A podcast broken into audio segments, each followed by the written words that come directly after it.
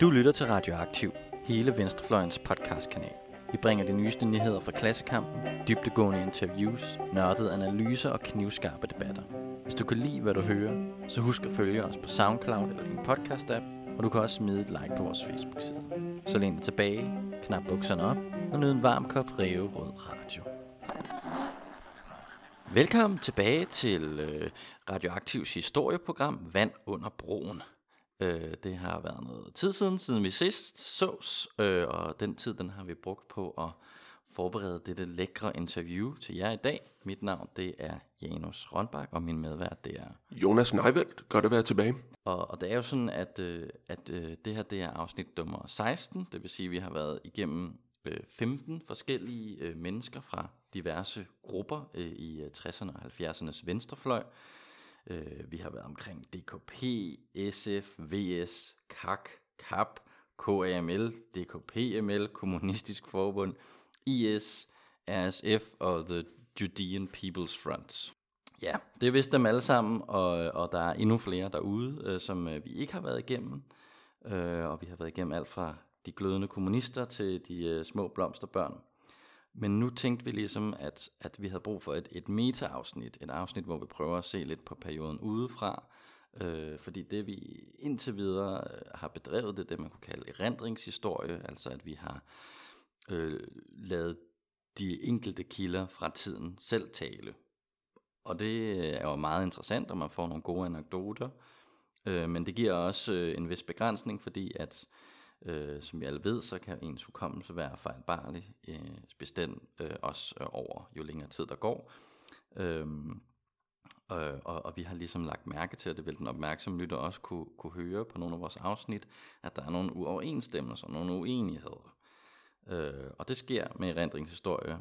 Øh, og derfor vil vi gerne øh, tage en, øh, en, et blik på perioden lidt udefra, lidt ovenfra, Øh, og det gør vi i dag, øh, hvor vi øh, har inviteret øh, Anders Dalsager i studiet. Og Anders han er historiker og forsker, og har beskæftiget sig med venstrefløjen og arbejderbevægelsens historie, og publiceret øh, bøger om det emne. Øhm, jeg vil sige øh, goddag til dig, Anders. Ja, goddag. Hej.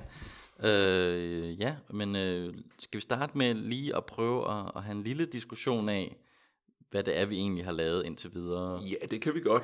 Altså, vi har jo, nogen kan måske beskylde os for mikrofonholderi. Men hvad er det for noget erindringshistorie er, som vi har beskæftiget os med indtil videre? Man kan sige, at, at, at øh, normalt, når, når en, øh, en historiker måske går ud, så går man ud og prøver at finde en masse kilder. Øh, og det vi ligesom har gjort, det er, at vi ligesom bare har taget udgangspunkt i øh, folks øh, erindringer, øh, og så lavet dem selv tale. Øh, og det er jo en meget ukritisk måde at gå til det på. Normalt vil man måske være kildekritisk og sige, okay, øh, nu har den her kilde øh, bragt den her information på banen, øh, men, øh, men, men holder den øh, information? Er der andre kilder, der kunne give en, øh, en, øh, en lignende beretning, og er der nogle uoverensstemmelser? Øh, og det har vi ligesom ikke øh, gjort indtil videre. Det kommer vi heller ikke til at gøre i det her afsnit. Det vil, øh, det vil være meget kedeligt afsnit, men men det, det er måske bare for at, at fortælle lytteren, at det er en bestemt måde at, at, at, at bedrive historie på. Og der er jo mange teorier inden for historiefaget om, øh, øh, hvordan man øh, går til tingene. Ikke? Altså du kan lave begrebshistorie, hvor du prøver at følge et begrebs udvikling. Øh, du kan øh, lave, øh, nu prøver jeg at huske tilbage til studietiden, alle de forskellige teorier, vi var igennem. Ikke? Mikrohistorie, øh, og, øh, og så videre, ikke? og du kan lave øh, en marxistisk analyse af historien. Øh, men vi har altså gjort det på den her måde, øh, og, og derfor tænker vi, det er en meget god idé at have det her afsnit, hvor man ligesom lige øh, prøver at kigge på det lidt udefra.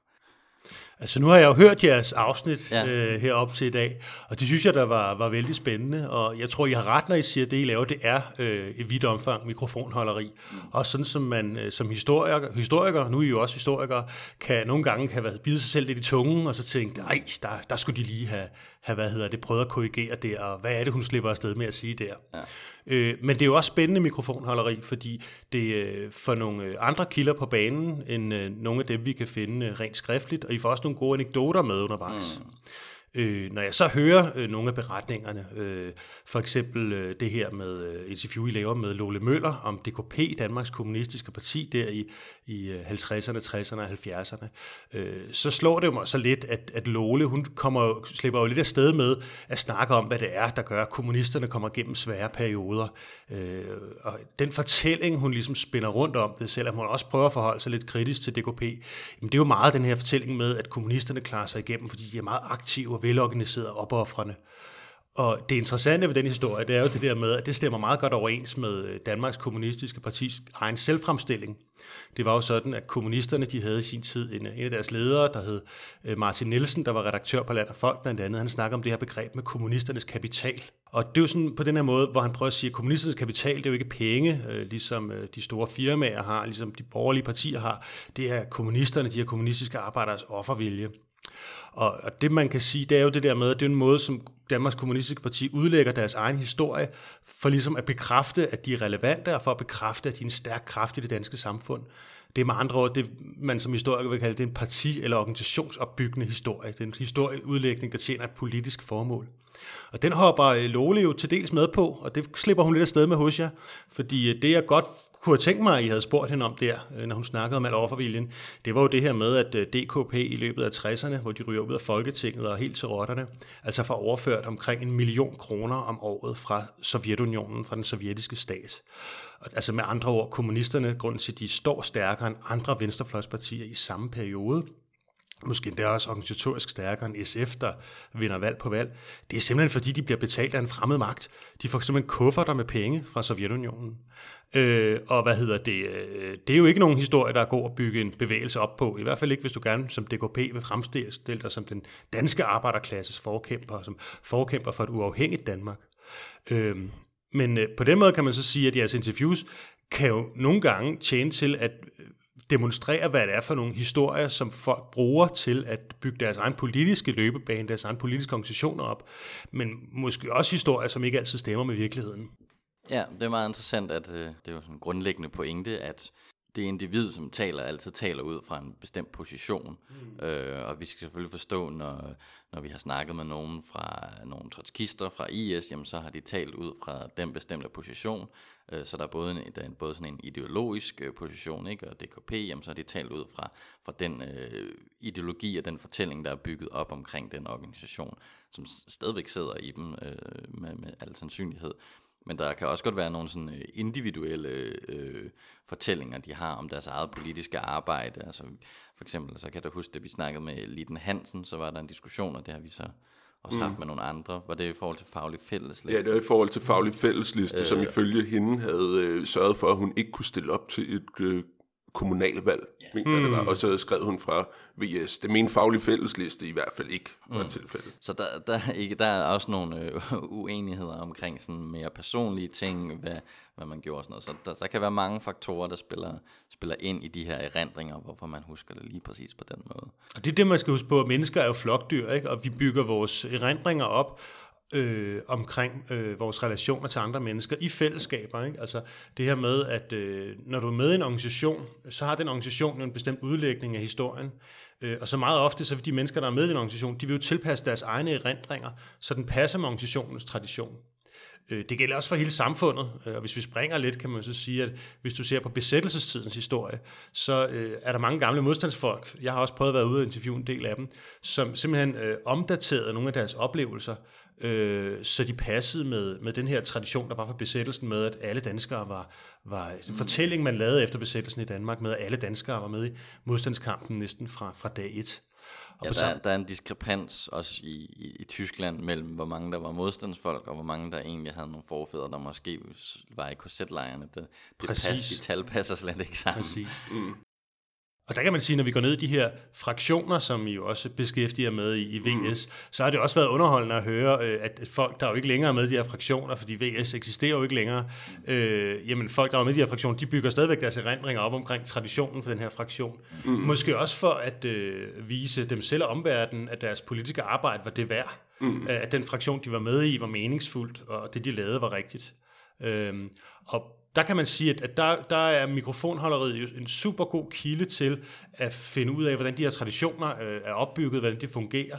Øh, men det er også en kilde, man skal omgås med varsomhed, fordi mm. man løber også ind i masser af oplysninger, der bare ikke passer. Ja. Eller som, øh, og det, det er måske det, der sker mest øh, ja, vi, og, vi oftest, at, at det her med, at, at folk fortæller nogle, nogle historier, hvor de udleder vigtige, vigtige faktorer. Ikke? Ja, jeg kan i hvert fald huske, at Hanne Reintoft har nedtonet sit engagement i VS i ret betydelig grad, at hun ikke var sådan noget specielt i opbygningen af VS og deres første valgkamp her. Og sådan, der lavede hun ikke specielt meget. Der, hun var der lige, og så meldte hun sig ud hurtigt, og så meldte hun sig ind i DKP, efter hun havde været i SF. Ja, det, det slog mig også, ja, da, mm. da jeg hørte jeres interview med uh, Hanne Reintoft, der jo var folketingsmedlem først for SF i 60'erne, og så senere uh, var med til at danne partiet Venstre Socialisterne, altså VS.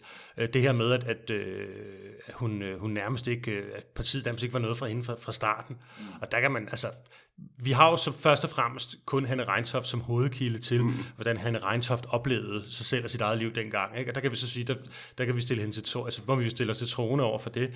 Men, men udfordringen er jo så også det der med, at, at hvordan øh, forklarer vi så, at, øh, at hun var så engageret i partiet til at starte med?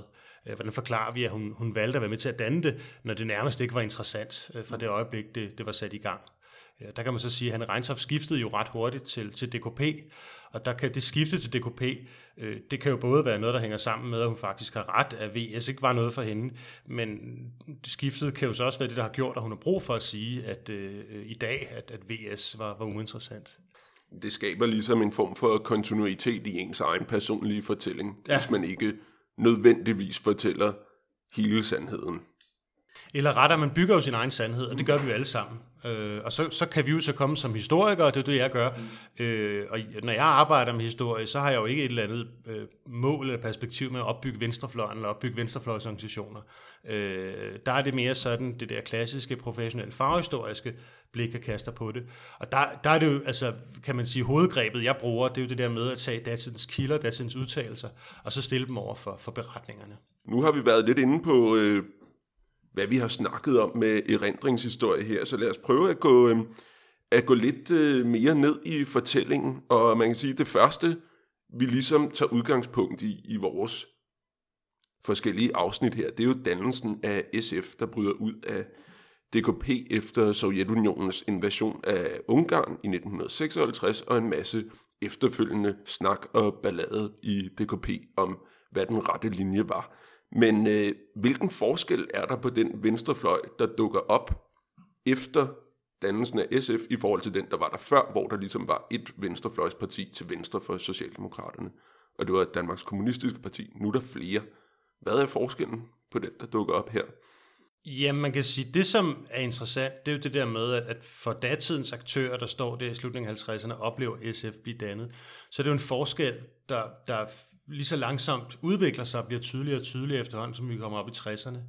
Øh, fordi i første omgang, så er SF jo dannet af nogle folk, der har været kommunister hele deres liv. De får så også et lille tilskud af, af folk, der ikke har kunnet være med i DKP i overvis, som så kommer ind i, i SF, fordi SF ikke er, er knyttet til Sovjetunionen, som DKP er. De får også et lille tilskud af, af trotskister blandt også. Men, men altså som udgangspunkt, så er partiets ledelse og partiets kerne, det er folk, der har været kommunister hele deres liv, og de danner jo partiet som et, hvad hedder det, øhm, øh, for ligesom at realisere deres drømme om, hvad DKP burde have været. Et parti, der turde kritisere øh, Sovjetunionen. Et parti, der ikke tog ansvar for begivenheder som den blodige sovjetiske invasion i Ungarn, og et parti, som øh, var langt bedre til at samarbejde med Socialdemokratiet. Øh, og på den måde kan man sige, at, at øh, det er jo nogle meget pragmatiske kommunister på mange måder, der, der er med til at danne, øh, hvad hedder det, DKP. Det er jo så også et parti, der... Øh, SF. Ja. Nå, undskyld, der er den SF, ja, undskyld. nu bytter jeg lige rundt på det. Den SF. Øhm, hvad hedder det? Det er jo så også et parti, der er produktet af nogle, øh, hvad hedder det, debatter, øh, hvad hedder det, kulturdebatter, ideologiske debatter, der har været op gennem øh, 60'erne, eller 50'erne, undskyld, øh, øh, hvad hedder det, og øh, som, som foregår blandt intellektuelle, omkring hvad socialisme egentlig er og øh, hvordan at hvad hedder det øh, socialismen øh, bør opbygges og hvem at man kan sige det her socialistiske samfund, øh, hvem det egentlig er der der går forrest i skabelsen af det. Og der kan man sige at der øh, der har DKP jo altid øh, helt frem til partiets øh, nedlæggelse eller sammenbrud der i slut 80'erne, start 90'erne. Det har altid været et arbejderparti. Det kommer man ikke udenom. Det er et parti, der entydigt satsede på arbejderklassen som øh, hvad hedder det, organisationens øh, øh vigtigste medlemmer, som øh, fortroppen i kampen for socialisme. Og det var også et, altså et parti, øh, et parti der, der var arbejderparti af, af, af gavn, eller sådan, at de var det også i, i praksis. Hvis man ser på partiets vælgere, så er det jo øh, 8 tiende dele, øh, det viser alle Gallup-målinger, der er arbejdere, hvis ikke mere, øh, og blandt medlemmerne er arbejderne også en, en, altså det største indslag. Så man kan sige... Og her, her snakker vi, den, det er den diskussion, vi tit har, har, har mødt, når vi har snakket med, der har tiden været en diskussion blandt alle de her grupper, ja. hvad er definitionen på en arbejder? arbejder. Det er rigtigt. Øh, I det her tilfælde, så kan vi så sige, at det er folk, der er medlem af, af det, der i dag vil hedde LO-forbundet, ikke? de samvirkende fagforbund. Men, øh, men, men det, der så sker med dannelsen af SF der i slutningen af 50'erne, det er jo netop, de tager de her diskussioner, som du nævner, det er, hvad er arbejderne egentlig, og hvad skal socialismen baseres på? Øh, og der begynder man også, og det øh, kommer frem ret tidligt, øh, at tale om socialisme som sådan et mere almenmenneskeligt projekt, øh, som bygger på nogle bredere, øh, hvad hedder det, humanistiske idealer end bare klasseinteresser. Øh, så man begynder også at bløde lidt op på den der meget hårde marxistiske-leninistiske doktrin, som DKP har været, været borget af.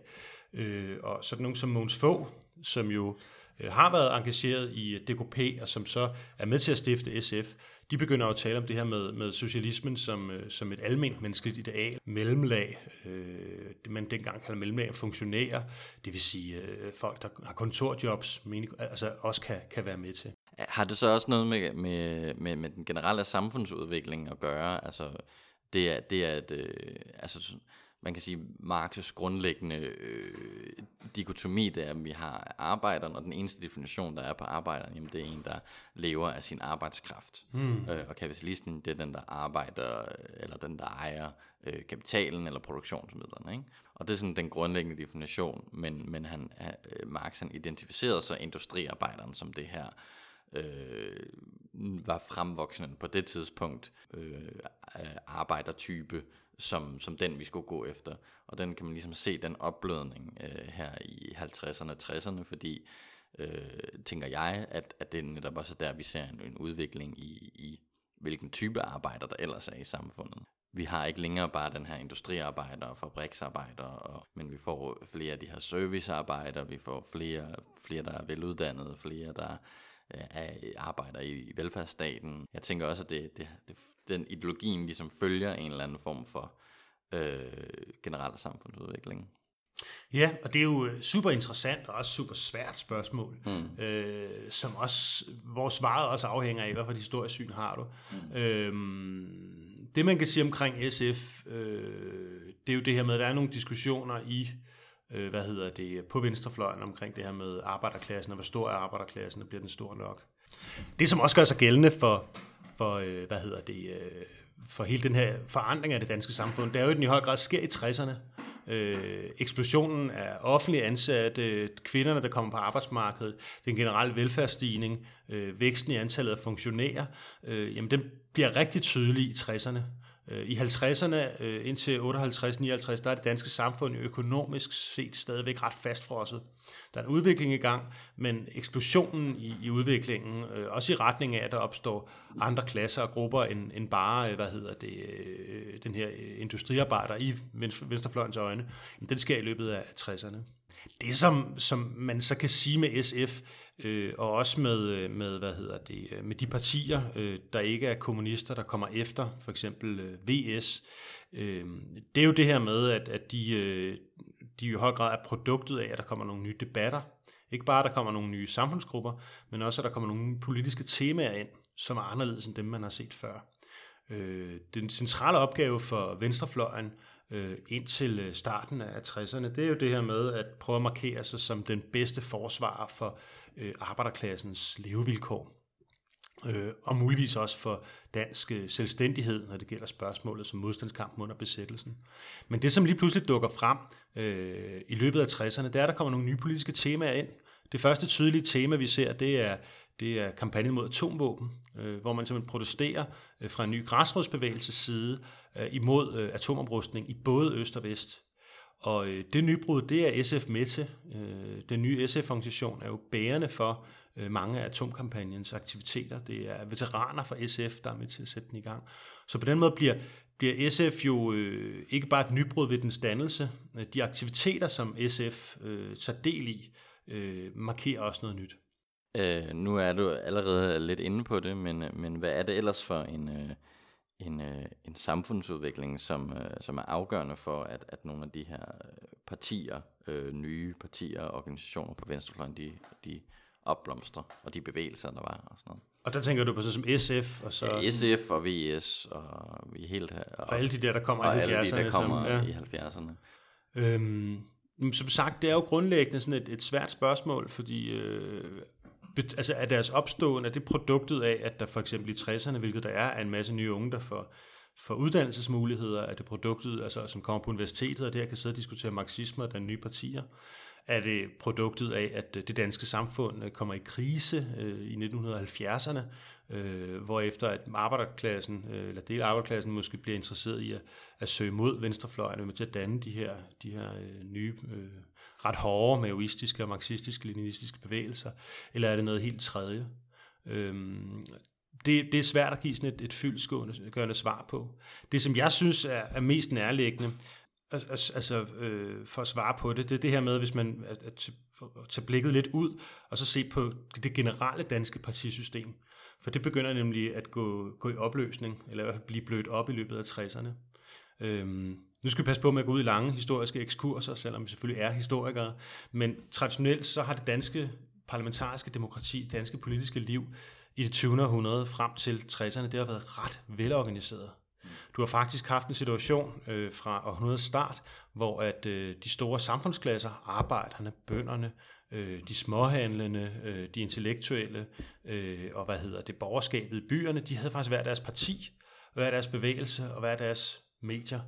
Øh, for Socialdemokratiet, arbejderbevægelsens vedkommende, var det jo Socialdemokratiet, der var det store parti, og man havde øh, fagbevægelsen, øh, det der hedder, øh, hvad hedder det, plejede hed LO, og som så også hed det der samvirkende fagforbund før det, øh, og man havde avisen Socialdemokraten, der senere bliver til aktuelt. Og øh, de der forskellige øh, bevægelser, de er jo opbygget omkring bestemte samfundsklasser, øh, og øh, det holder sig jo så øh, indtil øh, starten af, af 60'erne, og Øh, Øh, det, der så begynder at ske, det er jo, at øh, de der traditionelle samfundsklasser, de begynder at blive brudt op. Øh, arbejderne begynder at flytte i parcelhuskvarter i løbet af 60'erne. Øh, mange arbejdere får højere løn, og de begynder at orientere sig efter nogle andre ting. Og det, som man kan sige har været nødvendigt for, øh, for hvad hedder det, store del af den danske arbejderklasse for at overleve, nemlig det med at være, være meget tæt tilknyttet til en bevægelse, der ligesom kunne skærme dem mod, øh, hvad hedder det, øhm, mod øh, sociale begivenheder, øh, det bliver lige pludselig en velfærdsstat, der tager sig af. Så den her tætte tilknytning mellem individ og familie og klasse og parti og bevægelse, den bliver ligesom blødt op.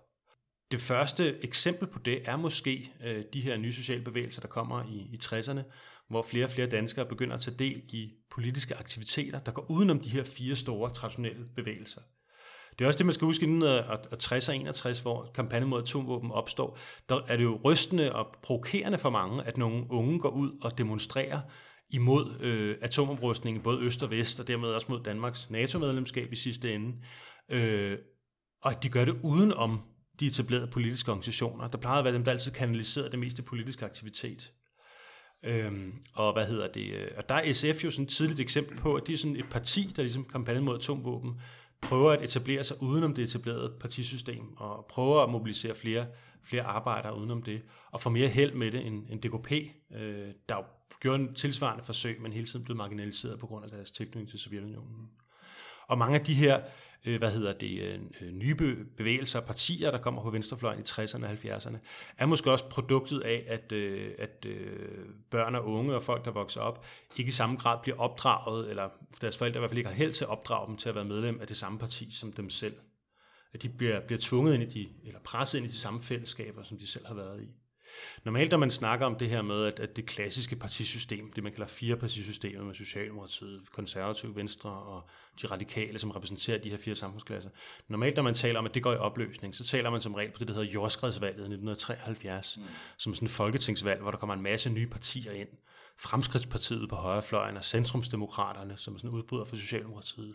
Og det så er eksemplet på, at, at nu er det gamle partisystem sådan blevet blødt op. Nu stemmer folk på alt muligt forskelligt, øh, selvom de måske tilhører en bestemt samfundsgruppe. Øh, men måske er, øh, kan vi også se den her venstrefløj, der kommer frem i 60'erne som et tidligt eksempel på det.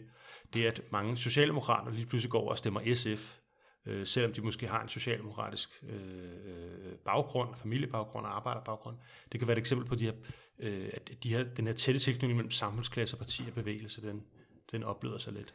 Er der, du ved ikke, om du, om du, om du har det tal, men, men øh, det er jo en generel udvikling, at, øh, an, at øh, partierne har færre og færre medlemmer i løbet af historien. Øh, er der egentlig også, selvom vi tænker øh, 60'erne og 70'erne som sådan en højkonjunktur for politisk aktivitet på venstrefløjen, er der egentlig flere medlemmer af venstrefløjspartier, her tænker jeg også Socialdemokratiet, eller er der færre i den periode? Er der en stigning? Altså i forhold til i dag, eller i forhold til... I, i forhold til, det, til, til, til det, der var før. Jeg ved ikke, om, om øh, vi har altså, det tal. Socialdemokratiets medlemstal er faldende. Ja. Det er DKP's også. Ja. DKP bliver jo splittet, altså øh, SF bryder ud af DKP og bliver dannet, ikke? og øh, DKP's medlemstal er altid omgivet med en vis... Øh, vis mystik, fordi de har jo garanteret op, op, altså opgivet falske medlemstal. Ikke? Men de siger jo selv i, i 50'erne, at de er oppe på en 18.000 medlemmer, tror jeg.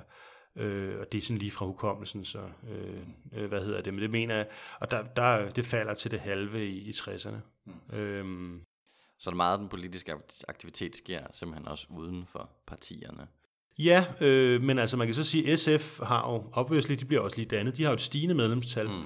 Øhm, og det er, det er rigtigt, rigtig meget politisk aktivitet, sker udenom de her etablerede fire gamle partier. Mm. Altså dem, jeg talte om før, Socialdemokratiet, Venstre, de konservative og radikale.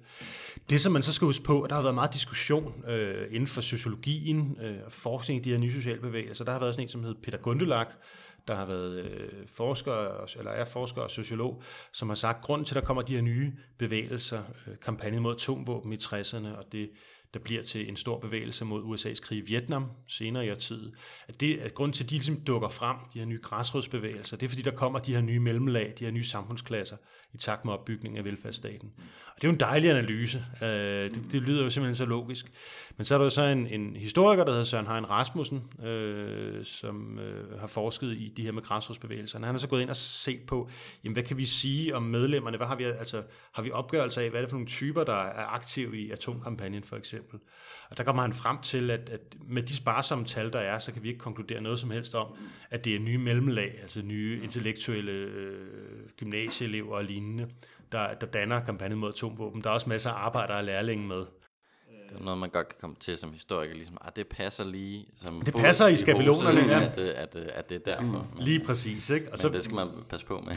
ja, altså man er jo nødt, altid nødt til at gøre det i et eller andet omfang, mm. ikke? Men, men altså, man skal så passe på, hvis man gør det meget firkantet, kan man hurtigt blive udfordret. Mm. Og det, som er ret interessant, det er ham her, Søren Hein Rasmussen, som er historiker, han viser sig, men det er jo ikke det der, det, den røde tråd og det gennemgående element i de her nye sociale bevægelser, det er ikke, at de er båret op af en, en ny klasse. Det, han kan sætte den røde tråd, det er, at øh, der er nogle bestemte partier, der fungerer som baggrundsgrupper, og som sikrer kontinuitet, og som sender øh, erfarne aktivister ind, og som også er gode til at skaffe økonomi og tilskud for fagforeninger til for eksempel kampagnen mod atomvåben. Og det er folk fra partierne, og det er folk fra de nye partier, det er folk fra SF, øh, til dels så også fra et gammelt parti, nemlig de radikale venstre. Mm. Øhm, så han siger, at, at øh, det der med at koble socialt selvhørsforhold og så bevægelsesaktivitet, du kan simpelthen lave den så direkte i, i når det gælder 60'erne og 70'ernes bevægelse, i stedet skal du se på politisk tilhørsforhold og så bevægelsestilhørsforhold. Har det også noget at gøre med, øh, altså du nævnte det her med, at, at, at der måske ikke er de samme materielle øh, betingelser for at være knyttet til et parti, altså øh, mange af de velfærdsydelser, vi, øh, vi har i dag i, i staten, de var jo øh, nogle af dem i hvert fald tidligere tilknyttet fagbevægelsen. Så der sker simpelthen en, en, en universalisering, kan man sige, af, af de her øh, ydelser, der ellers opstod i fagbevægelsen. Lige præcis. Ja. Øh, lige præcis det. Altså det. Og det tror jeg er enormt centralt. Øh, det her med, eller det mener jeg er enormt centralt, det her med, at jamen, hvis du er arbejder i, øh, i København i 1930'erne, så har du simpelthen et skrigende behov for at være en del af den socialdemokratiske arbejderbevægelse. Øh, du har været, altså, du er nødvendig at være med i en, en, en arbejdersygekasse for ligesom at kunne få hjælp, når du skal til lægen. Øh, det er nødvendigt, at du er hvad hedder det, øh, med i øh, fagforeningen for at kunne få ordentlige løn- og arbejdsvilkår, for at kunne ligesom blive skærmet mod urimelige forhold på arbejdspladsen. Øh, og hvis du er ung og arbejder og vil til fest, så er du simpelthen nødt til at melde dig ind i DSU, for det er det eneste sted, du kan gå hen, og hvor der er nogenlunde billigt. Øhm, altså det synes jeg også har været slående, i, når jeg har beskæftiget mig med, med ungdomsbevægelser. Jamen det er det her med, jamen øh, der er jo ikke ungdomsklubber, øh, af kommunen i 1930'erne. Der er meget lidt, der er sådan noget borgerlig velgørenhed. Mm. Øhm, så så øh, unge melder sig jo simpelthen ind i DSU for at kunne gå til fest, for at have et sted at hænge ud efter arbejde eller efter, efter skole. Ikke? Øhm, og øh, det, som øh, arbejderbevægelsen begynder at gøre, som den socialdemokratiske arbejderbevægelse begynder at gøre, det er, at de bygger, de bygger det, der, der senere bliver til ungdomsklubber mange steder. Øhm, så, så det her med, altså, øh, at, at øh, i Socialdemokratiet taler man meget om, at, at man, man rejser en bygning, organisationen er en bygning. Øh, det er en meget brugt metafor, og det er jo både fordi, man vil vise, at man er stor og stærk, men det er også fordi, at man, øh, man fortæller folk, at her er en bygning, hvor I kan skærme jer for, øh, hvad hedder det, al den uretfærdighed og, og alle de, øh, de trusler, som, som det moderne samfund repræsenterer, når du arbejder. Øh, og det behov, det bliver jo meget, meget mindre, netop i takt med opbygning af velfærdsstaten, som du nævner der. Mm. Øh, I løbet af, af 50'erne sker der sådan en udbygning af de her ungdomsklubber, og så i 1960'erne, så får du det her med, at du får en, en hvad hedder det, øh, du begynder at få en udbygning af sygekasserne, det bliver senere til, til hvad hedder det, et offentligt øh, sygesikringssystem, ikke? altså et offentligt ejet et. Øh, du begynder at få øh, hvad hedder det, bedre understøttelse, når du er arbejdsløs. Øh, du begynder at øh, få højere løn, og det er måske det allervigtigste. Det betyder, at, at de arbejdere, der før i tiden var nødt til at gå til bevægelsen for ligesom at få opfyldt deres sociale behov og deres kulturelle behov, de kan lige pludselig have penge nok til, at de kan gå ud på markedet. Mm. Øh, de kan gå i biografen meget mere. Nogle af dem kan da tage på turistrejse ikke, til Spanien. Øh, du har ikke længere brug for at være med i bevægelsen for at kunne tage rejse med dansk folkeferie, måske en gang hver andet år. Ikke? Du, du kan selv købe en charterrejse og spise.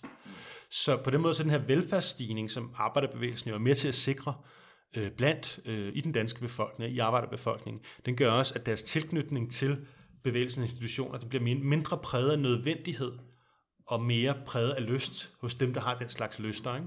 og tradition. Og det er også med til at skabe plads for, at de her nye partier og bevægelser, de kan komme frem. Der er sådan et materielt overskud simpelthen til at lave nye bevægelser. Ja, det kan man sige, og, og hvad hedder det, der er flere og flere danskere, som ikke øh, øh, behøver at, øh, at være en del af for eksempel et socialdemokratisk fællesskab i byen, mm. men som kan gå til en demonstration hos kampagnen mod atomvåben, hvis de har lyst til det. Hvem, hvem er det nu, der har sagt, en eller anden fagforeningsmand, vi har sejret af helvede til? Ja. Øh, jeg kan ikke huske, om det var, men det er i hvert fald sådan et citat, man tit øh, mm. har hørt. Ikke? Så man har ligesom øh, sejret sig selv i graven på en eller anden måde ved, ved at, at, at, at sejre så meget, at man gør sig selv irrelevant.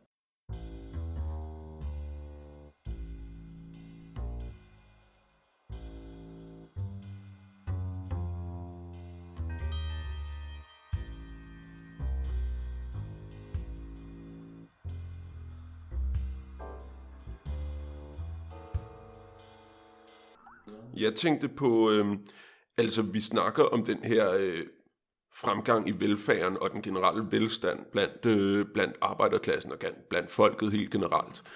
Det er jo ikke kun i Danmark, det sker. Altså det ser man jo i hele Vesteuropa, i hvert fald i løbet af 60'erne øh, især, at der er kæmpe økonomisk fremgang. Øh, er der, uden at gå alt for meget i detaljen med hele Vesteuropas øh, venstrefløjs historie, kan man, men er det danske tilfælde et særtilfælde med, at der opstår nogle nye bevægelser, eller hvad sker der ude i resten af Europa her? Nej, der opstår nye bevægelser over det hele, og man kan sige, øh, at det er jo det, vi skal passe på med som danskere. Vi bor i et meget, meget lille land, og tit når vi beskæftiger os med vores egen historie, så kan vi komme til at tænke, at det, der foregår her, er helt unikt.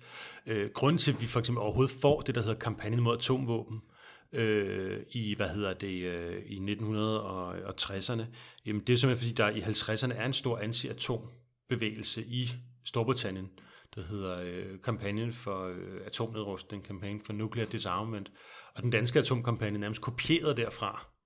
Øh, hvad hedder det, øh, det som, øh, som det, der ligger bag dannelsen af SF, det er jo så også det her med, at, øh, at man fra, øh, fra hvad hedder det, den danske øh, venstrefløjs side er inspireret af udviklingen i Jugoslavien og udviklingen i, øh, i dele af, af den italienske venstrefløj. Øh, der var vi så faktisk lidt imod, øh, hvad hedder det, sædvane, kan sige, at der er noget originalt dansk. Det er jo så det her med, at, at SF bliver dannet som en, en udbrydergruppe fra øh, kommunisterne. Øh, der er Danmark øh, det første sted, det sker, og der bliver Danmark, udviklingen i Danmark sådan en anledning til, til hvad hedder det, øh, øh, til øh, dannelsen af, hvad hedder det, øh, andre partier i andre lande. Øh, dannelsen af det danske SF, det er jo inspiration til dannelsen af, af hvad hedder det, øh, SF i Norge.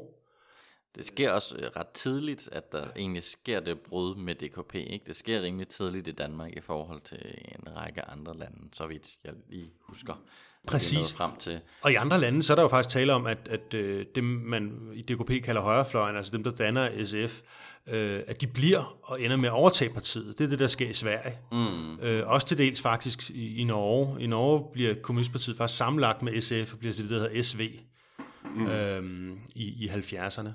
Øh, så, så man kan sige, der, der er sådan forskellige udviklingsmuligheder i forskellige lande, men, men altså det, der er, er helt centralt ved udviklingen i Danmark, det er jo det her med, at, øh, at man i Danmark giver et eksempel på, at du kan lave en reformeret venstrefløj, som kan opnå vælgermæssig succes. Og det inspirerer både Sverige og Norge og, og i andre lande. Det er så også det, der gør, at Danmark øh, ender med at få det mest, øh, et af de mest moskva-tro kommunistpartier i Europa overhovedet. Mm. Fordi alle dem, der ligesom skulle lave forandringen, øh, de er jo over i SF nu. Så dem, der sidder tilbage, det er det, man kalder den hårde kerne. Og så nogle fagforeningsledere fra især de store arbejdspladser i de store byer, som gerne vil have, have ro på bagsmækken og ikke have store politiske eksperimenter. Øhm, og så får, man kan sige, den siddende ledelse i DKP der sker også det, efter SF bliver dannet, at de begynder at få store tilskud fra Sovjetunionen. Altså deres årlige tilskud bliver forhøjet. Mm. Simpelthen fordi man ved, fra Sovjets side nu konkurrerer den rene kommunistiske vare med den her nye revisionistiske SF-bevægelse. Altså man snakker i forbindelse med jordskredsvalg, hvis vi går lidt frem, jordskredsvalg i 1973, der mener var det Glistrup, der var ude og sige noget med, at de øh, repræsenterede det tavse flertal eller var det Erhard Jacobsen? Det var Erhard Jacobsen. Ja, i CD, ja. der er ude og siger, at de repræsenterer det tavse flertal, hvor der måske er en, øh, hvad kan man sige, en, en højt råbende venstrefløj, der får noget... Øh, der får noget gennemslagskraft ud i offentligheden, men at det reelt måske ikke var så mange mennesker. Vi var lidt inde på det før, og det er helt sikkert svært at gøre op, men hvor mange mennesker drejer det sig om, der er aktive på alle de her venstrefløjs grupperinger, som vi har snakket med i 70'erne. Altså, de var jo ikke specielt mange mennesker i nogle af partierne. Nej, og det er rigtigt. Altså, hvis vi fraregner Socialdemokratiet, så er, det jo, øh, er der jo tale om mindre partier. Altså, VS er et lille parti, det blev så også dannet i, i 67. SF når op på nogle, nogle forholdsvis høje øh, medlemstal der i midten af 60'erne. Nu kan jeg ikke lige huske præcist, øh, hvordan de ligger. Øh, men, men altså, det er helt klart, at, at det er en, en lille minoritet i befolkningen, der er aktiv på venstrefløjen. Øh, det interessante er så, at det, der begynder at ske i løbet af 60'erne og 70'erne, det er jo også, at det er en lille minoritet i befolkningen, der overhovedet er partipolitisk aktiv efterhånden. Øh, Socialdemokratiet har jo tidligere haft 100.000 medlemmer. Deres medlemstal dykker og dykker og dykker og falder og falder. Gennemsnitsalderen blandt medlemmerne bliver lavere og lavere. Det begynder man allerede at se som et stort problem i Socialdemokratiet i 60'erne øh, og de andre partier oplever det samme. Og de partipolitiske ungdomsorganisationer, som jo har haft karakter af de her øh, hvad hedder det, øh, store ungdomsbevægelser øh, tidligere, deres medlemstal svinder også ind til ingenting. Så man kan sige, øh, Jacobsen, når han siger, at øh, det er, hvad hedder det, øh, øh, at der er tale om øh, sådan en lille minoritet, der skriger op over for, for det tavse flertal. Det er jo noget, han har lånt fra den amerikanske højrefløj fra Nixon, der taler om the silent majority, der bliver udfordret. Borgerrettighedsbevægelsen i 60'erne øh, og Vietnambevægelsen. Øh, jamen, jamen, så har han jo ret, men problemet er bare, at, at det tavse flertal, øh, det hævder han jo at tale på vegne af, men han, altså, dem, der er politisk aktive på højrefløjen, er jo også en lille minoritet. Ikke? Ja. Det man så kan se, vi kan, vi kan ligesom se på valgresultaterne, hvordan udviklingen er. Og der er udviklingen det, at øh, blandt unge, der er der for eksempel et klart borgerligt flertal i 1968, som ellers skulle være det store oprørsår, men øh, til gengæld så er der jo et øh, flertal af unge, under 30 år, der stemmer på venstrefløjen til venstre for Socialdemokratiet 10 år senere i slutningen af 70'erne. Øh, så når det gælder politisk tilhør, så svinger den lidt frem og tilbage. Når det gælder politisk aktivitet, så er der efterhånden tale om minoriteter over hele linjen. Det er jo sjældent, at, at man ser en situation, hvor at øh, øh, majoriteten af befolkningen er i bevægelse på samme tid. Øh, altså hvis det sker, så, så er det jo fordi, der er en revolution i gang i, i landet. Ikke? Øh, så, så der er jo altid et, et mindretal af, af folk, der, der skaber de her bevægelser. Vi skal vi prøve måske at øh, sætte bevægelserne her i 70'erne, dem vi har snakket med, op mod hinanden, hmm. ligesom en øvelse. Øhm, altså vi har, du havde øh, listen her ovenover, øh, mm. øh, med alle de her bevægelser, vi har snakket med. Vi har snakket med SF og VS og DKP og KAK og KAP og KAML og KAK øh, og DKPML, ja. Kommunistisk Forbund, IS, RSF. Mm. Og det, det inkluderer alt fra trotskister til maoister til øh, marxister, leninister til øh, folkesocialister og, og derudaf. Ja.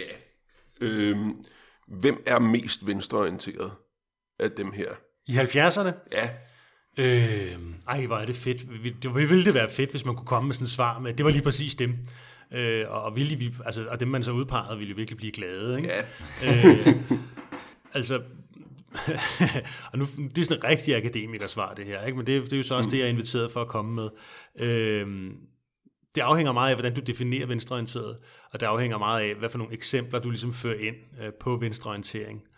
Øh, hvis det handler om, øh, hvad hedder det, øh, altså hvis venstreorientering defineres som øh, ønsket om, altså den, den mest radikalt mulige modstand eller vilje til kamp mod det etablerede samfund, øh, altså det mest ekstremistiske overhovedet, jamen så vil det vel være sådan noget som, øh, hvad hedder det, Blikhængegadebanden, vi skulle have fat i, som jo ikke gider at bedrive politik i Danmark, øh, altså man kan sige godt på Appel og hans, hans, hvad hedder det, øh, kommunistiske arbejdskreds, der ligger bag Blikhængegadebanden, øh, som jo ikke gider at bedrive politisk øh, aktivitet i, i Danmark, men som, som i stedet øh, helliger sig øh, efterhånden sådan øh, undergrundsarbejde og ender med i, i 80'erne der deciderede terror-lignende metoder. De har jo den her maoistiske analyse, ja. at, at den mm. danske arbejderklasse er købt, så der er, der er ikke nogen grund til mm. at at beskæftige sig med den, så man kan lige så godt bare begå nogle bankrøverier og sende dem i den tredje verden. Den tredje verden, ikke? Ja. Mm. Og de bliver jo så røvere og støtter jo så også øh, organisationer, der, der laver øh, terroraktioner, ikke? Øh, og øh, der kan man så sige, at, at altså, det problem er, at det er jo sådan lidt en mangelfuld definition på venstreorientering, ikke? fordi at, at der går du så ikke ind på øh, selve begrundelsen for, hvorfor du vil gøre noget, og hvem du ønsker at repræsentere hvis du bare tager det der med, hvor, hvor ekstrem er du i forhold til, til det etablerede samfund. Øhm, hvis man i stedet ser på, øh, på nogle andre parametre, for eksempel det her med, øh, hvad er det for nogle samfundsforestillinger, de forskellige grupper har, Øh, så kan man sige, at, at i 70'erne, så, så er der helt klart en, øh, en, hvad hedder det, en række venstreorienterede strømninger i omkring VS, som har nogle ret radikale forestillinger om, hvordan samfundet skal laves om. Øh, du har nogle øh, radikale forestillinger i, øh, i hvad hedder det, den maoistiske bevægelse omkring det, der bliver til KAP, altså, som er, mao, altså, som er maoister ledet af, af Benedikt Cosa, øh, som også har nogle altså, forestillinger om, hvordan at, øh, at verden helt grundlæggende skal, og det danske samfund helt grundlæggende skal laves om. Altså KAP ønsker jo mig bekendt også, at man laver sådan nogle folkekommuner i Danmark, ligesom man har i Kina, hvor at man på kommunal plan kollektiviserer alt. Øhm, og der kan du så gå over til øh, øh langsomt mod højre, øh, forbi, øh, hvad hedder det, øh, øh forbi DKP og SF, indtil du når til Socialdemokratiet, fordi de har mere moderate forestillinger. Det, det jeg selv har synes var mest interessant omkring det der højre-venstre, det er jo, når man diskuterer kommunisterne, altså Danmarks Kommunistiske Parti, DKP. Fordi der er jo mange, der har den forestilling, fordi de er jo fuldstændig pot og pande med Sovjetunionen, altså økonomisk, politisk, kulturelt, øh, altså også når det gælder med personsamfald knyttet til Østblokken og Sovjetunionen, så er der mange, der forestiller så er de de mest venstreorienterede. Men hvis du ser på de budskaber, DKP kommer med, så er det ikke det mest radikale, øh, du ser i 70'erne langt fra.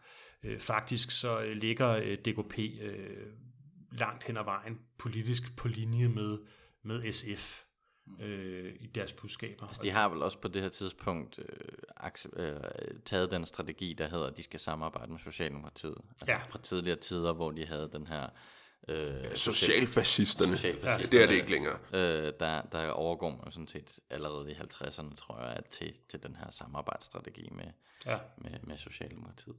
Så, så det, det på den måde, ikke? Altså, øh, lige præcis. Øh, og de får også det her, øh, på, altså den her forestilling i 70'erne med, at man skal have det, der, der hedder det antimonopolistiske demokrati. Det vil sige, at du skal lave den bredest mulige alliance med alle dem øh, i samfundet, der er ramt af, af de store kapitalistiske monopoler, de store virksomheder. Det vil sige lige fra små handlende til øh, hvad hedder det, arbejdere til funktionærer og lignende. Og en del af den kamp prøver de så også at føre ind i, i kampen mod EF, altså hvor de mod Danmark skal være med i EF, det der senere bliver til EU, øh, fordi det ligesom bliver set som monopolkapitalismens sammenslutning, øh, EF. Øh, og der, der, der, altså, der er det jo interessant nok, at der, der ligger øh, i, i faktiske budskaber DKP jo, øh, om ikke helt på linje med SF, men altså, de er i hvert fald ikke mere radikale end, end SF'erne i deres politiske udtryk. Og det er også noget, der er nødvendigt at tænke med, når man overvejer, hvorfor bliver folk kommunister i 70'erne? Øh, jamen, øh, der viser undersøgelser af Danmarks kommunistiske ungdom, at det gør folk sjældent, fordi de føler en eller anden øh, tilknytning til Sovjetunionen. Øhm, og de gør det nok heller ikke på grund af, øh, de fleste af dem, på grund af, øh, at de har de allermest radikale politiske holdninger overhovedet på venstrefløjen. Men øh, det her med DKP's organisation, og det her med, at DKP, øh, hvad hedder det, prøver at lave de her brede alliancer, er noget, der, der efter alt dem tiltaler mange. Nu snakker du lige om, at der er mange unge, der ligesom, hvorfor de så prøver at, at, at blive aktive her, ikke? Altså, mm. nu snakker vi meget om, at der er mange, som holder op med at være med i partierne og sådan noget, øh, netop fordi, at øh, hvad skal man sige, som maoisten vil sige, de er købt og betalt, de, de, de, deres materielle forhold er blevet sikret, vi har fået en velfærdsstat, øh, så der er ikke det samme behov, øh, men samtidig så er der også, så der sker ligesom en nedgang i politisk aktivitet på den måde, men samtidig sker der også en opgang af præcis samme årsager, at folk øh, faktisk får de materielle øh, øh, grundlag til at, at have tid til at, at, at lave alle de her politiske aktiviteter. Mm. Hvorfor man måske også ser, øh, i stedet for de her meget brede bevægelser, øh, hvor man har enormt mange mennesker med i de her partier, hvor det er meget organiseret, øh, så får man måske nogle mindre ekstremt aktive grupper. Øh, det er også noget af det, vi har fået ud af altså at snakke med nogle af de her øh, øh, folk, vi har talt med, det er, at jamen, de, var, de var sindssygt meget mere aktive dengang. Ikke? Altså, det var et møde hver dag, øh, og en aktion en gang om ugen, og demonstration ja. hver, hver 14. dag, altså hele tiden, hele tiden, hele tiden. Så der var ligesom også det her materielle grundlag for faktisk at lave de her politiske aktiviteter. Jamen, fuldstændig. Og, altså, sådan som jeg ser det, og min oplevelse af det er, at øh, jamen, den der velfærdsudvikling i 60'erne, det, til, altså, det tillader jo øh, særligt unge mennesker at udtrykke sig på alle mulige nye måder, og det tillader dem også i større og større omfang at danne deres egne fællesskaber øh, på, altså i højere grad, ikke fuldstændig, men i højere grad på kryds og tværs af de sociale forhold, de, de kommer fra. Øh, du ser det med unge i 60'erne, der begynder at være langhåret. Altså det er sådan noget, der virkelig forarver folk. Ikke? Altså, også i, især i arbejdermiljøer. Ikke? Hvorfor går drenge med langt hår? Du kan finde sådan nogle sjove gamle DR-klip med, med folk, der bliver interviewet. Ikke? Min far, han blev nødt til, han skulle lave øh, fagligt arbejde, så ja. blev han nødt til at klippe håret. Så ja, han, han kunne ikke mm. komme ind i fagbevægelsen. Så med langt hår, nej. Men du ser folk, der, der laver, hvad hedder det, der har sådan nogle fællesskaber omkring det at være forbrugere, altså forbruge ny musik, altså høre ny rockmusik. Ikke? Du ser folk, der, der danner de der, øh, hvad hedder det, øh, det de opfatter som mere frie fællesskaber omkring tylejren og lignende. Du ser simpelthen, at de der nye fællesskaber popper op, som er, hvad hedder det, autonome og selvstyrende, i stedet for bare at se de der venstrefløjspartier som en del af arbejderbevægelsen, som venstrefløjens udvikling, så kan du også se dem som et udtryk for den udvikling, der er i gang blandt unge i samfundet generelt. At unge går ud og laver øh, det, nogen nok vil kalde flippede fællesskab på egen hånd. Øh, og nogen vælger så at øh, lave tylejre, og nogen vælger at lave maoistiske partier. Øhm, og der kan man så snakke om det der med, jamen øh, var der ikke, øh, hvad hedder det, mærkelige øh, fællesskaber og vegetarer og hippie livsformer i 30'erne? Jo, det var der. Øh, altså, øh, der er, er masser af sådan nogle mærkelige retninger, også i 30'erne, og enhver, der har læst Halle Scherfis bøger, vil kunne finde sådan en satirisk, mm. øh, hvad hedder det? Øh, Idealister. Idealister hedder den, ikke? Den roman. Udlægning af det. Men det er så karakteristisk. Jeg tror jeg også, vi har en anmeldelse af i eksilovene på Radioaktiv. Det okay, jamen det, det kan man jo så lytte til.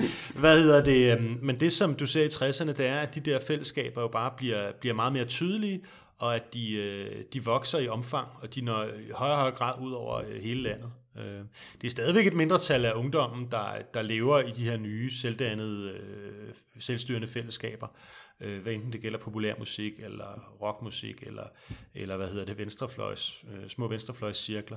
Men, men altså, det, det bliver mere tydeligt i den her periode.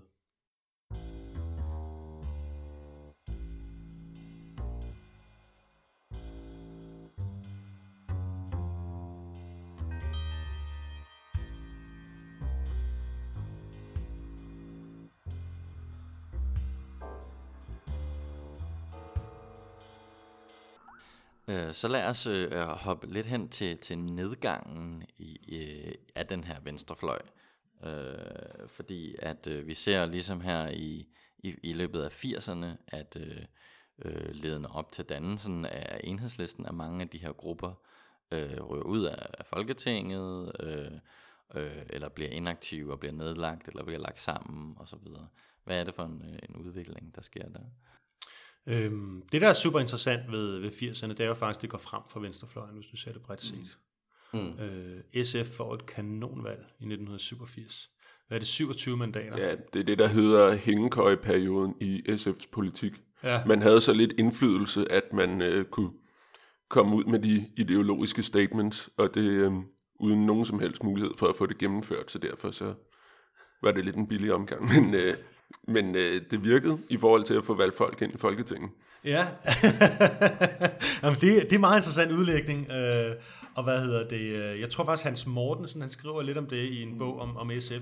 Det, som jeg synes også synes, den udlægning, den smager af, ikke? det er, den smager af, det er en legitimering af den politik, SF har valgt siden, under Willy Søvndal først, øh, som handler om det her med, at man skal ind i et tæt samarbejde og være med i forlig, øh, næsten for enhver pris. Ikke?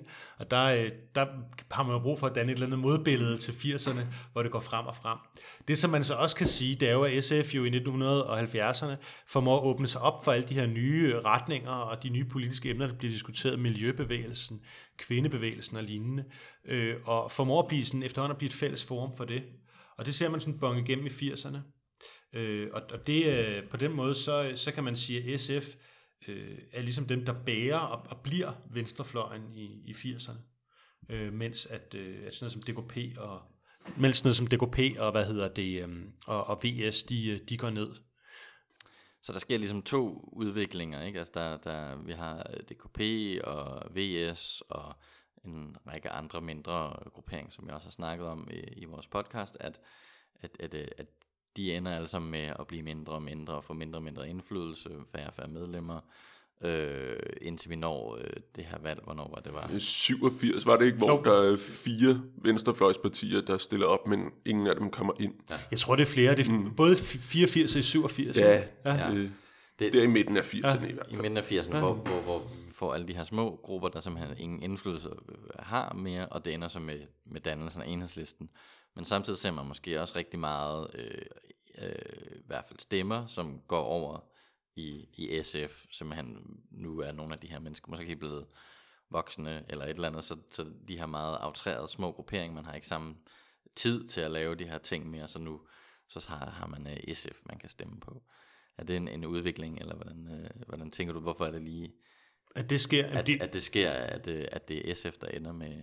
Jamen, det er jo super interessant, ikke? Også fordi i, hvad hedder det, i 1979, der er DKP og SF og VS, de er jo nogenlunde lige store. Mm. Det er de tre venstrefløjspartier, der ligesom er i Folketinget. Øh, og så er det ligesom SF, der, der kører frem. Øh, det man kan sige for DKP's vedkommende, det er, at de, øh, øh, altså de er i første omgang uheldige, og dernæst så øh, bliver de ligesom knust af, af udviklingen, fordi øh, den generation, der sidder på magten i DKP, og bliver ved med at sidde på magten i DKP helt indtil slutningen af 80'erne, det er den generation, der er født der i starten af 1920'erne, og som har været aktiv i modstandskampen under besættelsen. Øh, Det er først med den formand, der hedder Knud Jespersen, øh, og siden med en, der hedder Jørgen Jensen. Og det er sådan nogle gamle, faglige folk, øh, der har siddet der i, i generationer. Øh, Og hvad hedder det? Øh, DKP ryger lige akkurat ud af Folketinget ved valget i 1979.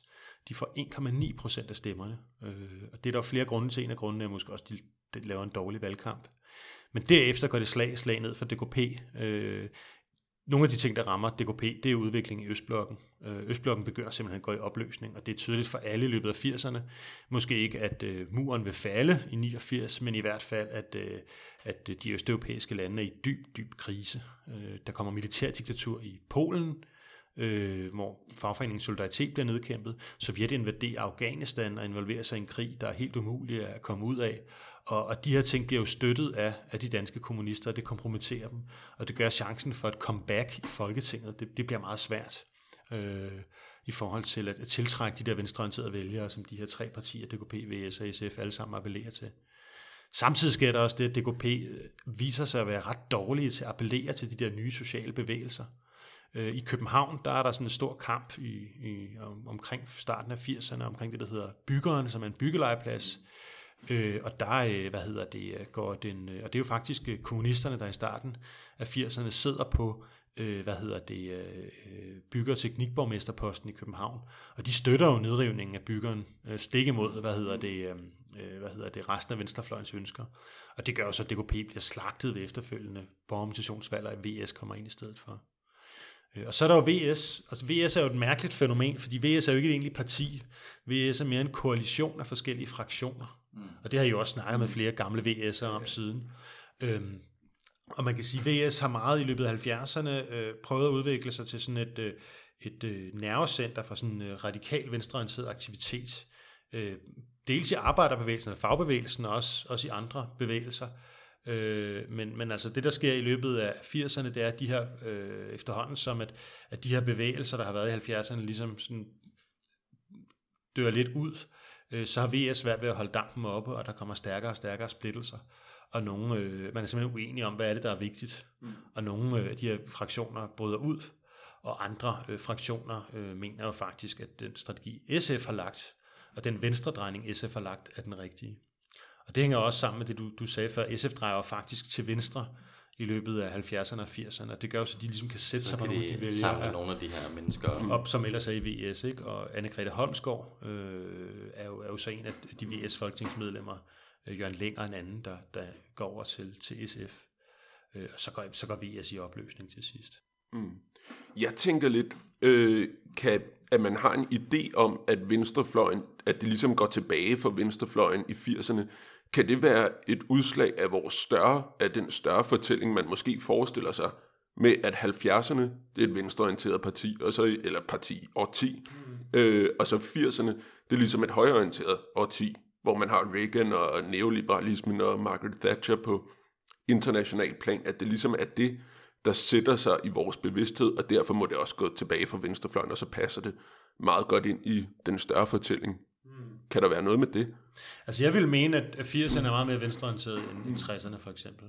Mm. Altså, øh, du kan bare se den måde, ungdommen stemmer. Ungdom i 80'erne er langt mere venstreorienteret end ungdommen øh, i slutningen af 60'erne. Ikke? Mm. Øh, men, men det man kan sige, det kan du simpelthen se på meningsmålinger. Det er jo sådan ret vildt. Det du, det du kan se, det er, øh, at, at øh, øh, men venstrefløjen er måske i fremdrift fra slutningen af 60'erne, mm. og måske endda fra midten af 60'erne, med Vietnam og øh, atomkampagnen, og så igennem 70'erne med, med miljøkampagner og, og andet. Ikke? Øh, og hvad hedder det? Øh, og der oplever man måske en stagnation på venstrefløjen i løbet af 80'erne.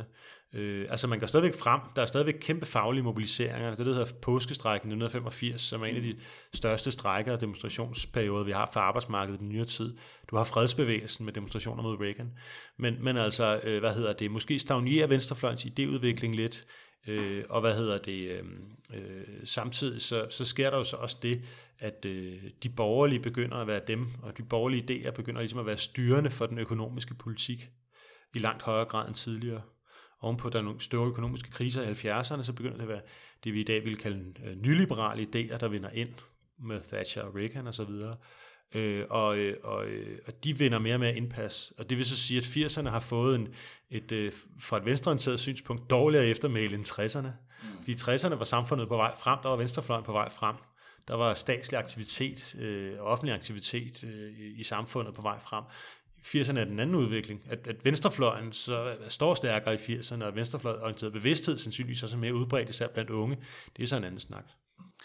Men det, det virker så måske også lidt som om, at, at venstrefløjen venstrefløjen så i 80'erne bliver lidt en del af the silent majority på en eller anden måde. Ikke? Altså, at, at, at øh, når, okay, så har vi måske en, en, en, en større andel af, af, af de unge, der er venstreorienterede, men, men der er ikke det samme aktivitetsniveau, og derfor har vi ikke den, den samme fortælling længere, samtidig med det her overordnede økonomiske udvikling, at vi går fra, fra Keynes til neoliberalisme. Ja, og det er rigtigt. Øh, og man kan også sige, at det, der sker lige fra starten af 70'erne, det er jo, at, at folk, øh, altså borgerlige, begynder at kopiere nogle af venstrefløjens arbejdsmetoder som sådan modtræk. Øh, og altså, det slår mig altid, når jeg har kigget på sådan noget som det tidlige Fremskridtsparti, også Erhard Jacobsens aktiviteter. Det er ham, der laver Centrumsdemokraterne, og ligesom er, er højrefløjen i Socialdemokratiet, indtil han laver sit eget parti, altså CD. Øh, det er det her med, at de er jo enormt gode til at lave aktioner og happenings og de virker enormt inspireret af Venstrefløjen. Glistrup siger det jo direkte. Ikke? Altså hvis du ser på den måde, Fremskridtspartiet bliver dannet på, øh, så bliver det jo dannet, altså det er jo en lang kæde af sådan nogle mærkelige, skøre aktioner og happenings. Altså Fremskridtspartiet bliver dannet øh, nede i grøften, øh, i Tivoli, som er sådan et sted, hvor at Måns Glistrup ved, at mange journalister kommer og hænger ud. Og så går han lige pludselig en dag derned, og så slår han på et glas, og så siger han, nu stifter han Fremskridtspartiet, og så har han en lang tale om, at han vil have nulskat, og øh, offentlige institutioner er nedlagt, der skal være havgrundsautomater til de arbejdsløse, i stedet for understøttelse osv. Ikke? Øh, og han går så også ud og laver altså alle mulige øh, mærkelige udtalelser, som meget svarer til, til den der provobevægelse, der har været på venstrefløjen. Ikke? Noget, noget jeg har tænkt, øh, og det er måske lidt selvfølgeligt, men jeg tænker lavpraktiske ting. Vi har en, øh, vi har en generation, der blev, opfor, der blev opfostret politisk af atombevægelsen, Vietnambevægelsen, og så går ind og laver venstre, de her venstrefløjspartier her. De bliver jo også ældre. Altså, de bliver øh, 30 år og får børn og sådan noget, og det sætter måske en lille dæmper på... Øh, det er en situation, du kan sætte dig i. Ja, øh, øh, men altså, det, det sætter måske en dæmper på muligheden for den rent fysiske mulighed for aktivitet. Ja, det kan man måske sige. Øh, det som, altså, der kan vi måske tale om et parti som VS, mm. øh, altså Venstresocialisterne, som er et parti, der, der gennemgår sådan en, en generationsudvikling, fordi dem, der danner VS i slutningen af 60'erne, og er med til ligesom at gendanne partiet, efter de har haft en nedtur i 70'erne, øh, det er meget unge folk. Og hvis du ser på, øh, på øh, hvad hedder det, øh, VS' blade, øh, dem har jeg jo siddet og bladret igennem øh, i løbet af dem, der blev udgivet i 70'erne og starten af 80'erne. Så kan du se, at de skifter temaer. Fra start 70'erne, der er det meget med international solidaritet og knus USA's aggression mod Vietnam. Og så går det over til, at der i, i slut 70'erne og start 80'erne, så handler det meget om sådan noget med børnepædagogik og hvordan opdrager man børn i et moderne samfund og sådan noget. Der, der er simpelthen et interessefelt, der skifter. Og der kan man jo sige, at, at det kan være et tegn på, at de går igennem forskellige livsfaser. Øhm, det, som man så også skal huske på, øh, det er jo det der med, jamen, øh, øh, rigtig mange finder jo ind i SF, som tager en venstre drejning i 80'erne. Ikke? Mm. Øh, og øh, der er stadigvæk en masse venstreorienteret aktivitet der. Øhm, så på den måde så er det jo ikke sådan, at venstrefløjen som helhed dør ud, fordi at der er nogen, der bliver ældre, men der er måske nogle partier, der, øh, der, hvad hedder det, øh, der oplever det her. Og der kan man så sige, at at VS får aldrig rigtig øh, hvad hedder det, etableret en stærk, fast organisation, der sådan, øh, kan reproducere sig selv. Øh, det er en meget løs organisation, og den er præget af mange fløjkampe, og det vil så sige, at partiets udvikling bliver meget afhængig af enkeltpersoner, fordi man ligesom ikke har et apparat og en tradition, der, som folk passer sig ind under, øh, altså man kan rekruttere nye til. Og, og der kan sådan en generationsskifte måske også gøre en forskel. Men øh, hvis vi så prøver at være lidt mere øh, konkret, hvad er det så for hvad er der så ligesom tilbage af den øh, venstrefløj, der var i 60'erne og 70'erne i dag? Er, er der, er, hvad, hvad kan man sige? For eksempel, altså, vi har jo enhedslisten, i, som, som er, er oprindeligt et samserium af, af nogle af de her. Øh. Altså, hvis man ser meget konkret på enhedslistens, hvad kan man sige, organisatoriske opbygning, så minder den ret meget om VS's organisatoriske, altså vedtægterne, minder ret meget om øh, VS's, synes jeg. Og der er vist også noget om, at Preben Wilhelm har haft en hånd med til at udarbejde begge dele. Så. Ah, det er interessant. Det, det skriver har, han ikke om i sin Nej, men jeg har hørt, at ja. en af dem, der sidder og skriver, altså det må stå for min egen regning, men jeg har hørt, at øh, en af dem, der sidder og skriver enhedslistens vedtægter, sjovt nok, er Preben Williams, jeg ved ikke, kone, eller i hvert fald samlever ja. på det her tidspunkt. Altså, og det kunne godt er... være, at han havde fået, ja. hun havde fået nogle nogle råd hjemmefra. Altså, rotationsordningen, for eksempel, mm. den, den, den, i det interview, vi snakker mm. med ham, der, der, der, der tilskriver han da i hvert fald, at det var en af hans... Mm. Øh, øh, og, og, og flere andre ting. ja, jamen, øh, hvad hedder det? Øh, øh, det der, altså når I spørger om det her med, hvad, hvad er der tilbage fra 70'erne, ikke, så kan man jo først, først omgang sige, at der er en masse personer tilbage. Ikke? Mm. Øh, og, og det er jo, altså, mennesker bevarer vi jo sjældent ved at udstoppe dem og putte dem ind på, i montre på museer, altså det skulle så være Arbejdermuseet i det her tilfælde. Øh, mennesker og menneskelige erfaringer er jo noget, der bliver bevaret og givet videre, øh, hvad hedder det, ved at folk fortsætter i det her tilfælde deres politiske løbebane. Og øh, der synes jeg, det er, det er karakteristisk, at hvis du ser på mange af dem, der stiftede enhedslisten, og mange af dem, der har været aktive helt frem til i dag, så er det jo mange folk, der havde erfaring fra fraktionskampen i VS. Øh, og der kunne det måske interessere og måske også overraske, at hvis du ser på debatten i enhedslisten, så har den jo sjældent været så, så ophidset, som den var i VS. Øh, og der kan man måske sige, at det er jo ikke blevet undersøgt til bunds, at det er et muligt resultat af VS's øh, fraktionskamp og sammensmeltning, at udviklingen i enhedslisten, øh, måske indtil de sidste år, har været forholdsvis harmonisk internt. Der er jo, der er jo helt klart en, en, en fortælling i enhedslisten om, at altså det hedder enhedslisten. Ikke? der er en fortælling om, at man på en eller anden måde bliver nødt til at, at, at holde sammen. Øh, det tror jeg også, vi, øh, da vi havde vores interview med Finn Sørensen, at, at han ligesom kommer ind på, at, at, at de nåede frem til, at, at, at vi bliver nødt til at stå sammen. Det tror jeg faktisk, vi, der var flere, at der har sagt, øh, at, øh, at, øh, at, at det simpelthen er en grundlæggende erfaring, man har gjort sig. Mm. Øh, at det her, at, at, at hvis venstrefløjen skal kunne noget, så bliver det nødt til at holde sammen, uanset og hvor uenige man ligesom øh, kan være på, på enkelte punkter. Altså vores første interview var jo med Preben William i den her interviewrække. Øh, og der er mange, der har en holdning til ham, og han er ligesom en, hvad kan man sige, en grå eminence på venstrefløjen, eller hvad man kan kalde ham i dag.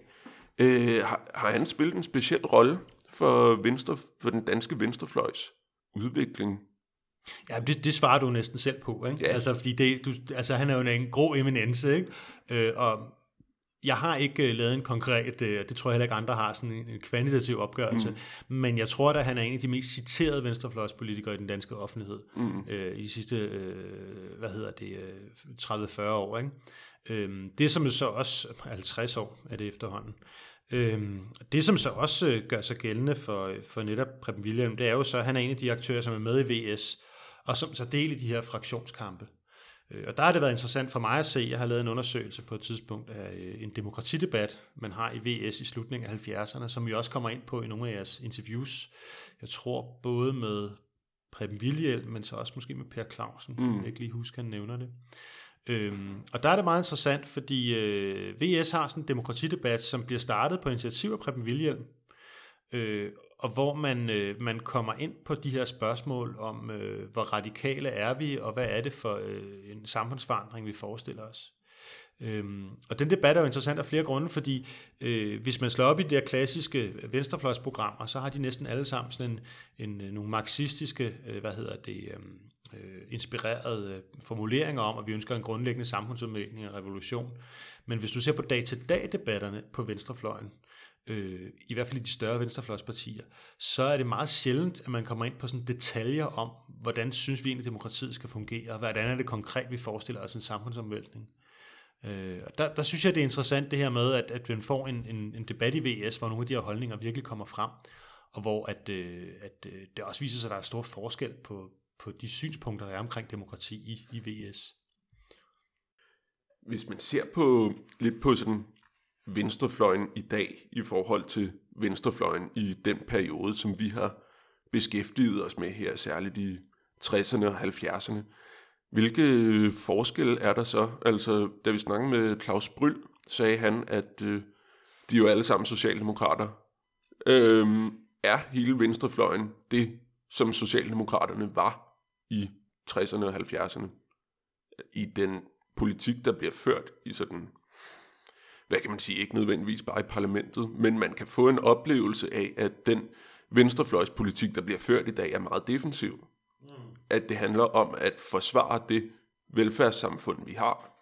Øh, måske også fordi, ved at, øh, ja, hvad kan man sige, at det ideologiske er højrefløjen, der er på fremmarsch, og så vel, vel, øh, velfærdsstaten under angreb, så nu handler venstrefløjspolitik om at forsvare den velfærdsstat, der findes, i stedet for, at den er offensiv og handler om et øh, decideret socialistisk samfund. Ja, altså jeg synes, det er et super interessant spørgsmål, og det er også interessant, at Claus, altså Claus Bryl, han, han, øh, han siger det der med, at alle er socialdemokrater.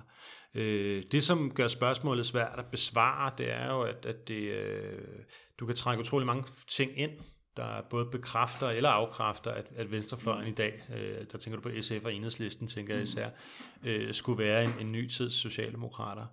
Øhm, det man kan sige er, at hvad hedder det, venstrefløjen, altså SF og enhedslisten, har til fælles med øh, Socialdemokraterne, som de så ud for eksempel i slut 50'erne og, og start 60'erne, øh, det er, at de har et meget kraftigt ønske om, at øh, det offentlige skal påtage sig øh, opgaver, og at hvad hedder det, øh, et, et, et velfærdssamfund eller en velfærdsstat er sådan et, øh, et ideal for, hvordan man indretter samfundet. Øhm, og det var ikke nødvendigvis øh, det, som Venstrefløjen øh, tilbage i slut 50'erne og start 60'erne øh, var båret op af. Øh, der var det meget mere sådan tanken om, om øh, arbejderklassen øh, og arbejderklassens allierede, der ligesom skulle, hvad hedder det, til gode se sig sætte deres magt igennem.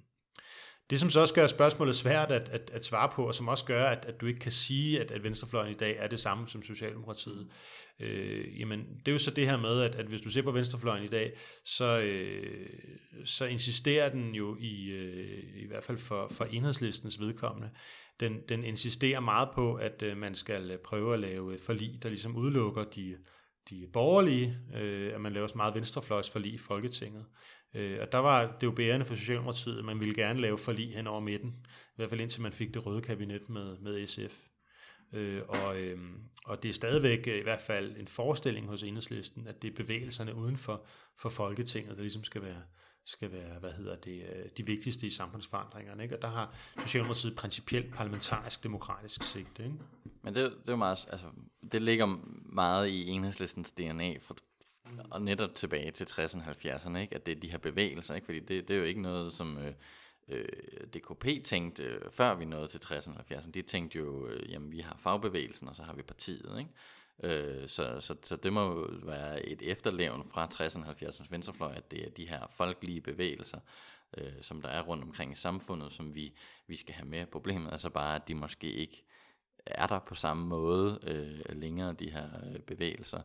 Øh, det kan så være, at der er nogen, der spiger frem rundt omkring, men øh, noget andet, jeg også tænkte, øh, som måske er årsagen til, at man ikke øh, snakker øh, på den måde utopisk længere, kan man sige. Det, til dels er det det, at, at den, den politiske dagsorden har rykket sig øh, gevaldigt. Ikke? Altså, øh, Socialdemokratiet har trækket mod højre, og, og det gør hele, øh, hvad skal man sige, midten, hele det, på engelsk kan man the Overton window, altså at det man snakker om, øh, og det man kan snakke om, er, er simpelthen rykket mod højre, og det vindue er måske endda også blevet mindre, øh, fordi at, at det, det er meget svært at komme igennem med, med, med nogle forestillinger, der, der, der forandrer tingene øh, specielt radikalt. Altså bare hvis man skulle snakke om øh, 30 timers arbejdsuge for eksempel, mm. øh, så, så, så bliver det jo fremstillet af mange som fuldstændig vanvittig idé, på trods af, at, at vi jo er gået ned i arbejdstid igen og igen og igen og igen gennem arbejdervægelsens historie,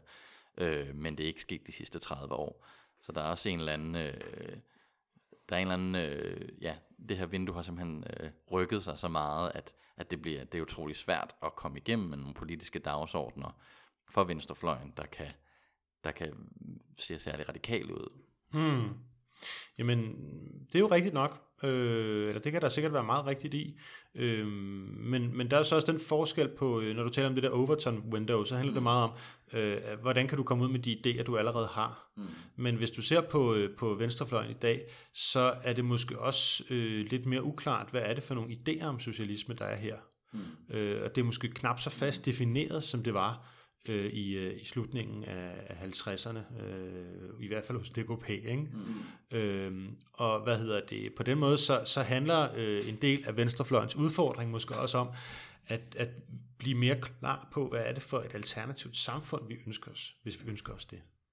Øh, og det, jeg synes er interessant i den forbindelse, der er en, en, en britisk historiker, der hedder Erik Hobsbawm, der, øh, der i øvrigt også var, var venstreorienteret. Men han taler om det her med det korte øh, 20. århundrede, som er fra 1. verdenskrig start, og især, man kan sige, godt læse mellem linjerne hos hosborgerne, det er også den russiske revolution og Lenin, der sådan danner århundrede start, og så går det frem til 1991, hvor Sovjetunionen bryder sammen. Det er det, han kalder Age of Extremes. Ekstremerne så 100, ikke? Ja.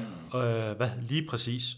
Og det vi kan sige for, for venstrefløjen, øh, og det synes jeg er meget vigtigt at huske på, når vi snakker om venstrefløjen lige fra 1917 og frem til slutningen af 80'erne, øh, måske midten af 80'erne, jamen det er, at de her partier øh, agerer inden for det, vi kan kalde den russiske revolutionsepoke. Øh, det er en epoke, hvor den russiske revolution fremstår i hvert fald hos øh, venstreorienterede som en, mange venstreorienterede som en succes, og øh, det samfundssystem, det sovjetiske samfundssystem, der kommer ud af det, fremstår måske ikke som sådan noget, man i alle ender og kanter kan tilslutte sig, men som noget bæredygtigt, som modellen for, øh, i hvert fald revolutionen, modellen for, hvordan man kan ændre på samfundet.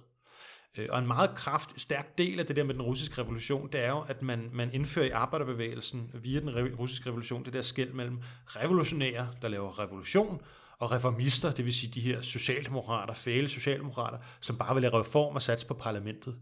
Og den her modsætning, reform-revolution, spiller en meget central rolle for, for store dele af venstrefløjen, helt ind til, øh, helt ind til 90'erne. Mm. Øh, hvad hedder det? Øh, med SF bliver den sådan lidt blødt op, øh, i 60'erne. Men altså fra venstrefløjen til venstre for SF er den meget levende, og især i VS øh, og DKP kan man jo bruge timer på at diskutere, er det her reformistisk eller revolutionært. Det kan man stadigvæk nogle ja. steder, men, øh, men, men det er heldigvis øh, ikke så afgørende en diskussion mere. Nej, der, der tænker jeg netop det der med, at når man ser på det, der nu bliver fremstillet som venstrefløjen, det som Claus Bryl måske vil kalde de her, der minder om socialdemokrater, de er måske også produktet af den her stærke modsætning mellem revolution og reform, øh, som Claus Bryl jo selv øh, prøvede meget at føre ind i debatten i SF, da han er der.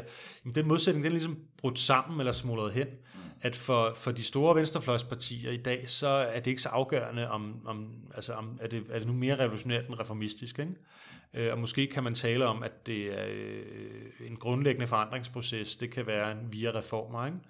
Øh, og på den måde er der en meget stærk skillelinje mellem venstrefløjen i dag og, og venstrefløjen, som den så ud fra 80'erne og så tilbage til den russiske revolution. Så der er ligesom sket en eller anden form for øh, sammensmeltning af den her øh, tidligere dekotomi mellem revolution og samfundsforandring. Præcis. Mm. Øhm, at man ligesom, at det behøver ikke at, at være så skarpt øh, øh, opsat mod hinanden. Man kan, godt, øh, man kan godt reformere sig til en revolution, eller man kan godt øh, nå hen til, hvor man vil på nogle forskellige måder. Ja, jeg tror, at vi er, vi er nået hele vejen rundt. Ja, har du nogle afsluttende bemærkninger til venstrefløjens, øh, til hvor venstrefløjen står henne? Det er jo et lille spørgsmål, lige at runde af på her. Øh. Jamen, man kan sige, at øh, venstrefløjen bliver jo, øh, hvad hedder det, skabt og ligesom genskabt igen og igen af, af, af de folk, der er aktive der. Og der, der kan man sige, fra historikerhold, når man så kigger på det udefra, øh, så er det jo hele tiden interessant at se øh, det der med, jamen, øh, øh, venstrefløjen er jo ikke bare et produkt af idéer, de er også et produkt af nogle, nogle øh, samfundsforhold, der ændrer sig. Man skal gerne tale til nye grupper, og man skal ligesom diskutere, hvilke grupper vi vil gerne have, have fat i. Øhm, og øh, og hvad hedder det, øh, og der tænker jeg, at i de her år, der, øh, der, øh, der er venstrefløjen for mig at se udefra sådan meget åbent felt, hvor at, øh, man kan sige, der er mange flere udviklingsmuligheder, mange flere tanker, der er i spil, end, øh, end der måske var tidligere. Med de ord, så øh, vil jeg sige tak, fordi du ville deltage, Anders. Og øh, så vil jeg sige tak til lytteren, fordi at øh, du lyttede med. Og øh, jeg håber, du vil lytte med næste gang. Hej hej. Hej hej, og vi håber stadigvæk på at finde en anarkist fra 70'erne, så hvis I kender nogen, ja. så sig til. Det, det er svært, men vi prøver.